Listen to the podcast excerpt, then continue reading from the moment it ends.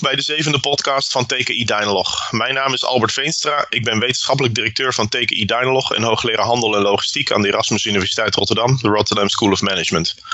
In deze podcastserie gaan we in op actuele ontwikkelingen en de relatie tot de logistieke innovatie in de onderzoeksportefeuille van de topsector logistiek en wat dit allemaal betekent voor de logistiek van de toekomst.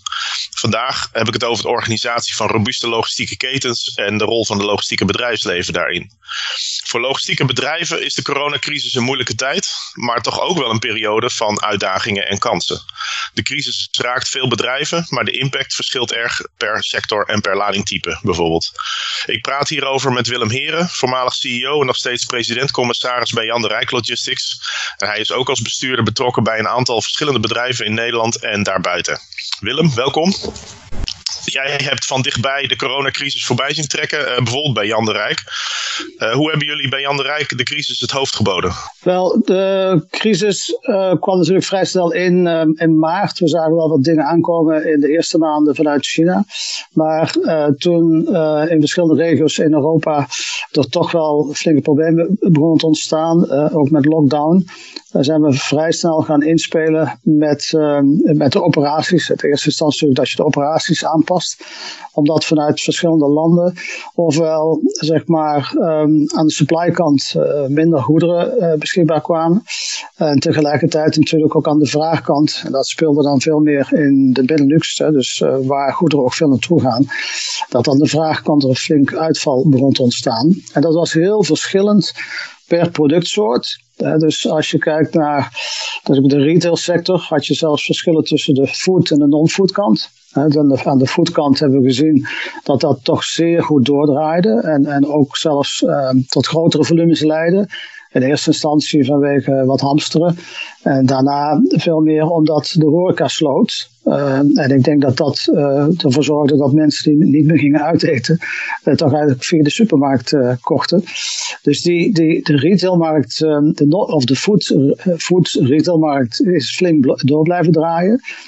dat heeft ook al meer capaciteit gevraagd, hè, aan, aan, zeker aan, aan de DC's en de wegtransport. In de non-food retail was het heel anders. Daar zag je dat in sommige landen de winkels werden gesloten, de non-food winkels. Dus dat betekent bijvoorbeeld de Rijk dat in de non-food retail distributie te snel moest worden ingegrepen om af te schalen. Want je ziet bij operaties is dat je dan ook moet kijken hoe schaal je af. Maar ten tweede, hoe richt je je netwerk anders in? Want uh, als je kijkt naar die distributie, uh, dat is één, groot, uh, één grote keten die helemaal gekoppeld aan elkaar is. Dus als daar stukken uitvallen, dan moet je vrij snel met je systemen zorgen dat dat weer opnieuw geoptimaliseerd wordt. Nou praat ik alleen nog maar over de retail. Maar van Lieverlee zag je natuurlijk ook dat er in verschillende landen fabrieken dichtgingen. Dat deels omdat werknemers niet, uh, niet konden werken. Uh, deels omdat men aan de hand ook de werkplekken wilde aanpassen op de anderhalve meter economie. maar ik zag ook wel, maar dat waren tweede orde effecten, dat sommige OEM's ook de fabrieken dichtgooiden omdat ze zagen dat er vraaguitval was. En dat zie je eigenlijk nog steeds in bepaalde mate. Sommige fabrieken zijn weer opgestart. En dat, dat had dus aan de supply kant veel, veel impact. En dat was heel verschillend per productsoort. Een van de grootste sectoren die eigenlijk het, het verst is teruggedraaid in, in, in productie is de automotive sector. Je zag grote, grote vervoerders die heel sterk in automotive zaten toch wel dat ze, dat ze veel overschot kregen qua, qua capaciteit. En maar, maar zo'n ondernemer als de Rijk moest dus ook daar weer zorgen dat uh, operationeel de zaak uh, goed bleef draaien. Dat je ook zorgde met, met zeg maar de verspreiding van het virus, dat de chauffeurs beschermd werden. Um, maar ook dat zeg maar, op de centrale control tower, dat daar teams gesplitst werden. Hè, want als daar bijvoorbeeld uh, ziek, zeg maar, corona zou uitbreken, dan zou je te kwetsbaar zijn. Hè. Dus ook binnen de control uh, center organisatie werden ook teams gesplitst. om dat te voorkomen. Dus je ziet operationeel moesten vrij snel worden ingegrepen. Dat is ook goed gegaan om te zorgen dat alles kon continueren. En maar ik zei al, ik heb gezien dat het heel erg verschillend is qua markten en qua productsoort. dus fast moving consumer goods is natuurlijk wat iedereen wel snel ziet. Um, maar ook zeg maar, als je kijkt naar de fabrieken, uh, zag je hele grote verschillen. Sommige die doordraaiden, sommige die niet doordraaiden. En dat had een flinke impact op het netwerk eigenlijk. De discussie is nu een beetje uh, van, uh, heeft dit de logistieke sector nou hard geraakt of niet? Hè? Dat, dat, er komen ook wat verschillende geluiden uit verschillende onderdelen van die logistieke sector. Hoe, hoe kijk jij daar nou tegenaan voor, voor de, uh, zeg maar de, de wegvervoer logistiek, waar Jan de Rijk een onderdeel van is? Zijn jullie nou in, in, in het algemeen, en niet Jan de Rijk specifiek, maar in het algemeen geraakt door de crisis? Of zeg je van, nou ja, als je het een beetje uitbalanceert, dan valt het wel mee? Ik constateer dat er hele grote verschillen zijn eh, in de, in de logistieke ondernemingen. En dat heeft veel te maken met in welke markten dat men zit en hoe, hoe gespreid de portefeuille is. Um, bij Jan de Rijk bijvoorbeeld uh, is het een, is het een um, portefeuille die heel gespreid is over verschillende modaliteiten. Dus niet alleen maar wegtransport, maar ook uh, intermodaal. Daar komen ze dadelijk nog eventjes op terug. Uh, want dat zag weer andere effecten. Maar vooral markten. Ik noem al markten zoals fast-moving consumer goods. Um, het gaat ook over sectoren zoals pharma of high-tech of automotive, dat soort van, of voeding. Je zag in Nederland bedrijven die bijvoorbeeld heel sterk in sierteelt zaten. Nou, dat viel helemaal weg vanwege de export. En daar waren gigantische aantallen voertuigen die stil kwamen te staan. Dus het, is, te veel te maken met of dat je heel erg geconcentreerd bent op één soort product of één soort markt. Hè. Bijvoorbeeld vervoerders die alleen maar op Engeland rijden of alleen maar op Italië. En daar, daar heeft Jan Rijk veel minder last van, omdat wij uh, Europees gespreid zijn, dus uh, met veel landen zaken doen, op heel veel verschillende sectoren zitten. Um, en ook veel verschillende logistieke uh, services aanbieden. Contractlogistiek heeft andere impact gezien dan bijvoorbeeld last mile distribution. Dan bijvoorbeeld het internationale wegtransport. Dus ik kan er ook wel wat cijfers over noemen. Bij Jan de Rijk is het dieptepunt was een, een omzetdaling van iets van 18 procent. Uh, dus uh, dat is vrij snel weer teruggekomen. Dat waren dieptepunten vooral eind maart, april. Um, en dat is in mei weer al een stuk weer rechtgetrokken. Dus je ziet structureel nu wel wat, nog steeds wat lage volumes. Maar ik denk, en dat, zal, dat zullen bedrijven ook zelf van naar kijken, is naar de spreiding van hun activiteiten. Ja, precies. De spreiding is wel een beetje de, wat je robuust maakt als, als bedrijf, denk ik. Maar goed, dat komt ook met een, met een zekere schaal, denk ik. Dat kan, dat kan, je kunt ook geluk hebben. Hè? Dus er zijn bedrijven in Nederland die zijn 100% zitten zij in uh, supermarktbeleveringen. Ja, die hebben natuurlijk uh, heel, heel, heel hard gedraaid. Ja.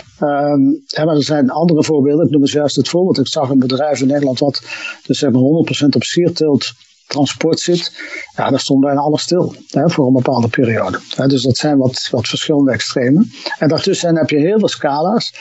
Je hebt natuurlijk ook heel veel verschillen in, in de afschalingsmogelijkheden. De afschaling bedoel ik is flexibilisering.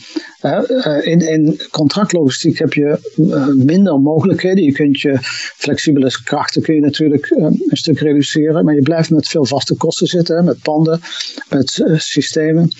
Uh, dat is wat anders weer bij wegtransport. Um, en bij wegtransport hangt het weer af van hoeveel flexibiliteit je hebt met eigen rijders bijvoorbeeld, of andere contractors die je gebruikt. En, en daar, daar, is ook een les uit te trekken natuurlijk. Hè. Uh, uiteindelijk is corona niet het enige effect wat kan spelen. We hebben het verleden eerder gezien, hebben de financiële crisis bij 9-11. Dus je moet ook eens goed kijken naar uh, hoe flexibel ben je met uh, snelle omzetreducties dat je kunt afschalen. Huh? En we gaan straks nog even over multimodaliteit praten in jullie treinen. Maar uh, eerst misschien nog eventjes de luchtvracht. Hoe, hoe, kijk je daar tegenaan? Er zijn natuurlijk echt hele gekke dingen gebeurd in de luchtvracht. Zeer interessant, hè? Als je kijkt naar. Uh, dat begon eigenlijk al tijdens de lockdown in delen van China.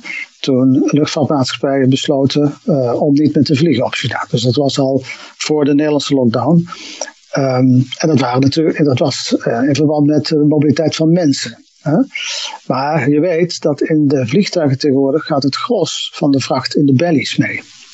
Dus daar viel ineens een hele grote capaciteit weg hè, voor vracht te vliegen in die passagiersvliegtuigen.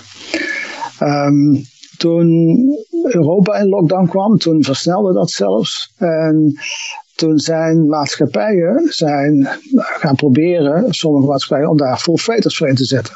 En dat zag je ook is gigantische tarieven voor luchtvracht op dat moment. Die gingen vijf keer over de kop. Dus waar je normaal zeg maar, een bepaalde tarief betaalde, zag je in die periode eind maart, april prijzen van vijf keer normaal voor luchtvracht, vanwege capaciteitstekorten. Uh, dus je ziet dat, dat zeg maar, die passagiersvliegtuigen. Dat die heel veel, invloed, heel veel invloed hebben op de luchtvrachtcapaciteit over de hele wereld. Um, en dat zal nog wel een tijdje duren, want als je ziet, nu nog steeds, uh, wordt er veel minder gevlogen. Dus er is veel minder capaciteit. En dan zie je dus dat de grote spelers zoals de FedEx van deze wereld en de UPS van deze wereld, die allemaal freighters hebben, en dat is ook Amazon, ja, die, die hebben natuurlijk um, garen gesponnen bij, bij deze crisis. Als het gaat over het hebben van uh, full freighter capaciteit. En dat geldt ook voor airlines zoals Cargolux. Uh, Qatar Airways heeft veel freighters. Um, en Frans KLM inmiddels niet zoveel meer. Hè? Dus, uh, dus daar, daar, zag je heel veel beweging. En dat had voor Belangrijk Logistics ook best wel wat impact. Um, omdat wij ook wel wat uh, luchtvracht uh, vervoeren. Maar dat was meer dat de luchtvracht ja, verschoof dan van um, sommige airports naar andere airports waar meer full freighters überhaupt de vliegen zoals Luik. Daar kreeg het wat drukker, et cetera. Dus dat, dat, dat gaf wel wat netwerkeffecten qua wegtransport. Maar uh, maken wij dan in Nederland daar de juiste keuzes in? Want Schiphol heeft Qatar uh, be beperkt in het aantal slots wat ze kregen. Terwijl die, en, en Etihad, terwijl die best wel wat meer freighters naar Schiphol wilde sturen. KLM heeft natuurlijk in de crisis nou net zijn laatste vier of zo freighters de deur uit gedaan. ja, maar, maar, maar, mm, ik ken niet precies alle elementen qua economics. Um, je ziet bijvoorbeeld dat veel Amerikaanse airlines hun vracht voornamelijk via de belly vervoeren. Um, ja, dat heeft ook veel te maken natuurlijk met, met de komst van veel meer wide-body vliegtuigen. Dus dat is meer capaciteit op die passagiersvliegtuigen. Um, ik, ik denk, meer over Schiphol, niet zozeer over KLM alleen. Ik denk dat Schiphol is een belangrijke speler op vrachtgebied. Hè. Dus de derde grootste in Europa. Ik dacht 1,6 miljoen ton per jaar. En ik, je ziet ook dat, dat dat een belangrijk onderdeel is van de logistieke keten. Dat Nederland daar een grote rol in speelt. Ook gezien de enorme exportpositie die Nederland heeft. En ook zijn import richting achterland Europa. En ik zou zeggen, uh, of deze crisis leert ook wel weer, is dat, uh, dat we wel wat kwetsbaar zijn. Um, uh, zeker als die bellycapaciteit wegvalt. En, en dus in die zin is het ook wel goed om die luchtvracht um, een belangrijke plek te geven op Schiphol, maar ook met freighters. Hè, want freighters is een hele goede aanvulling op, uh, op de bellycapaciteit. Dat zie je nou weer wel. Ja. Ja. ja, misschien moet dat ook wat flexibel kunnen schuiven. Ja. ja. Oké, we, we gaan even, want jullie doen ook in treinen bij de, bij de, bij de Rijk. Hoe, hoe, hoe zat de crisis in de, in de treinenwereld? Uh? Dat, is, dat is een trein die we zelf opereren op Italië. Uh, dagelijks twee treinen, heen en weer. Um, die trein is altijd blijven rijden. Dus dat, dat zien we wel over de robuustheid van het treinsysteem. Hè. Uh, wel in mindere capaciteit. Hè. Dus van de twee treinen per dag uh, zijn er momenten geweest dat hij terugschaalde naar één, één trein per dag. Ik moet eerlijk zeggen, dus als het gaat over de goederenstroom in Europa, en dan praat ik ook over grensovergangen. Uh, geldt ook over wegtransport. Er zijn natuurlijk bij wegtransport waren er een paar belemmeringen, niet overal. Maar ik heb gemerkt dat waar er enorme um, uh, problemen waren met mensen om, om, om mobiel te zijn, was dat veel minder verwacht. En dat geldt zeker voor treinen. En dus die trein, die heeft, vind ik, eh, als ik zo de cijfers zie en operaties, uh, relatief weinig last gehad. En wat je wel weer zag natuurlijk, is de volumes in export begonnen te veranderen. waar je normaal dus redelijk optimaal draait, zowel import als export, gezien de soort lading die zij hebben, zag je daar wel het scheeftrekken weer van import-export. Dus je kunt wel lading hebben, maar nogmaals, als je de netwerk en, en de, de balans uit elkaar trekt, dat betekent dat je ook niet veel rendement maakt. Snap je? Dus, dus zo'n crisis kan na zeg maar volumereductie kan ook wel leiden tot, tot minder uh, goede resultaten vanwege uh, inbalansen die ontstaan. Maar als ik zo kijk, dan vind ik dat die treinoperatie relatief weinig last heeft gehad van, van, van deze crisis. Oké, we, gaan, we gaan eventjes naar het buitenland. Um, jij bent ook betrokken bij uh, een grote logistieke speler in Oman, hè? de Asiat uh, Group. Ja. En dan daarbinnen het logistieke bedrijf. Ja. hoe, hoe, hoe is het daar met de crisis gegaan? Dat, dat bedrijf dat eh, zit in scheepvaart, dat zit in havens, dat zit ook in last mile distribution. We constateren dat daar de havens goed doordraaiden. Uh, en wat je ziet bij havens, uh, havens is niet alleen containers, maar is ook droge bulk, natte bulk, breakbulk. En um, ik zag, die, dat bedrijf zit heel sterk in scheepvaart. grote uh, VLCC's, olietankers, uh, mammoetankers.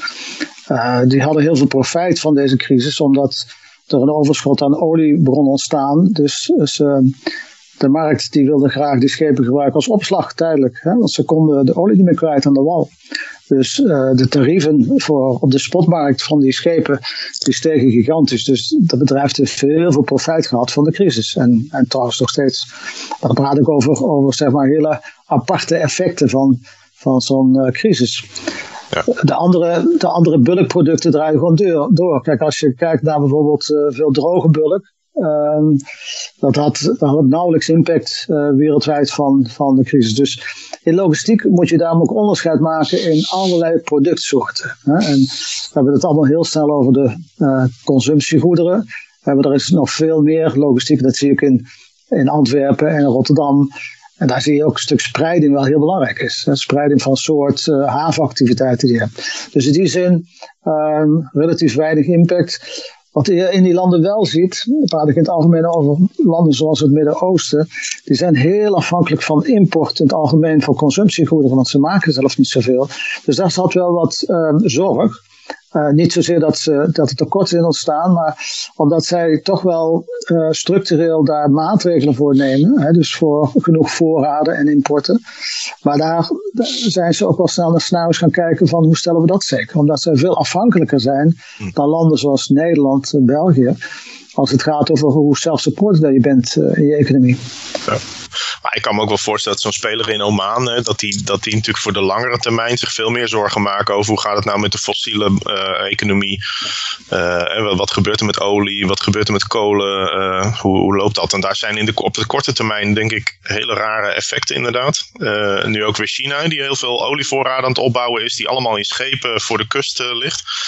maar voor de langere termijn kan ik me voorstellen dat daar wel wat zorgen zijn. Ja, maar dat, is, dat staat los van deze crisis natuurlijk. Is, is, dat is al lang gaande. Ik, ik, ben er al wat langer actief, een jaar of zeven inmiddels. En uh, God, al, al jaren achter elkaar is men, uh, heeft men initiatieven lopen en projecten om hun economie te diversificeren. En dat doen uh, alle landen daar in het Midden-Oosten in wat sneller dan de anderen. Dus zij realiseren zich zeer goed dat, dat er veranderingen komen in, in, in, in, de afzet van fossiele brandstoffen. Dus zij, zij investeren heel sterk ook in andere sectoren om ook hun economie robuuster te maken. Ja, ja. Hey, uh, we gaan nog eventjes uh, vooruit kijken. We, we, zijn natuurlijk in het onderzoek uh, wat wij financieren soms heel ver vooruit aan het kijken. Maar als, je, als jij nou kijkt naar jouw ervaringen en wat je net verteld hebt op, over hoe de logistiek reageert op die crisis. Hoe zouden wij ons in Nederland hier dan beter op kunnen voorbereiden op zo'n, op, op, nou ja, zeg maar even de volgende pandemie? Wel, er zijn algemene discussies over, zeg maar uh, hoe kwetsbaar dat je bent. Zo'n crisis kan aantonen of dat je kwetsbaar bent op sommige onderdelen. Uh, praat ik over importen, het beschikbaar hebben van allerlei spullen hè, die je dagelijks nodig hebt. Dan komt natuurlijk snel de healthcare aan, aan de orde. Dus ik denk wel dat zowel overheden als, als bedrijven gaan nadenken of gaan evalueren, moeten we daar nou iets mee? Ik denk ook dat daar Europees al wat gebeurt. Is, uh, zijn wij wel of niet te kwetsbaar voor bepaalde eh, medicijnfabrikages uh, of beschikbaarheden. Ik denk dat grote retailers, grote producenten ook een evaluatie gaan maken. Of dat zij hun sourcing van spullen misschien ook wel wat, wat gaan diversificeren. Dus gaan kijken, moeten we wat, wat dichter bij huis. Dus ik denk dat alle, al die spelers dat geldt ook voor de automotive sector en de componenten. Je zag natuurlijk ook dat sommige fabrieken dichtgingen omdat een aantal componenten op een gegeven moment niet beschikbaar waren. Dus ik denk dat al die partijen op hun eigen manier gaan kijken. Hè, kosten, baten, kansberekening. Moeten we, moeten we daar iets mee? Uh, logistiek, hè, voor een logistiek bedrijf, uh, bij een paar lessen is, uh, ik zou zeggen, goed kijken naar de spreiding van je activiteiten. dus het voorbeeld wat ik straks zei, hè, van hoe beter dat je gespreid bent, hoe, minder kans dat je hebt dat je last hebt, hè, dat je echt gewoon hele grote duikelingen maakt. en wat ik weer zie is dat het hebben van automatisering, maar ook robotisering uh, in je contractlogistiek, je warehouses, waar je ook veel minder afhankelijk maakt van de mens, die uh, kan uitvallen hè, door, door pandemie. Uh, dat dat toch wel belangrijke dingen zijn waar je weer goed bij stil moet staan. Maar dat geldt ook voor automatisering. Ik heb ook gezien dat die control tower uh, systemen, die applicaties, die decision support systemen zo belangrijk zijn ook in dit soort periodes, omdat er komen ineens nieuwe effecten, nieuwe parameters die je niet allemaal kunt voorzien. Normaal hebben planners, die hebben een aantal uh, ervaringen, hebben ook veel kennis natuurlijk van, van vaste structuren, van vaste dynamiek. En ineens verandert dat. Dus zo'n systeem uh, kan daar heel snel weer nieuwe optima in berekenen. Hè. Dus ik geloof heel heilig weer in uh, zeg maar, de noodzaak, dus niet de nut, maar de noodzaak van robuuste uh, decision support systemen die, die netwerken opnieuw balanceren en, uh, en optimaliseren. En, um, ja, en ook zeg maar uh, robotisering, maar ook robotisering van processen. De, de, de RPA bijvoorbeeld, dit soort dingen bewijst elke keer weer zijn nut ook in dit soort situaties. En dus ik, ik, ik zou zeggen echt gewoon doorgaan met, met zeg maar innovatie op dat gebied. Uh, veel beter gebruik van alle beschikbare data. Uh, en ik zei al automatiseren, robotiseren, maar ook digitaliseren. Ja, dankjewel. Hartelijk dank Willem. Vandaag sprak ik in deze podcast met Willem Heren over de impact van de coronacrisis op het logistieke bedrijfsleven in binnen- en buitenland. Um, ik denk dat, het, uh, dat, dat de diversiteit van de logistieke sector eigenlijk de kracht ook is, uh, hebben we gezien in de discussie. En daardoor is de logistieke sector flexibel en weerbaar. En op die manier verzekeren we ons van een robuuste logistiek voor de toekomst. Dankjewel en graag tot de volgende keer.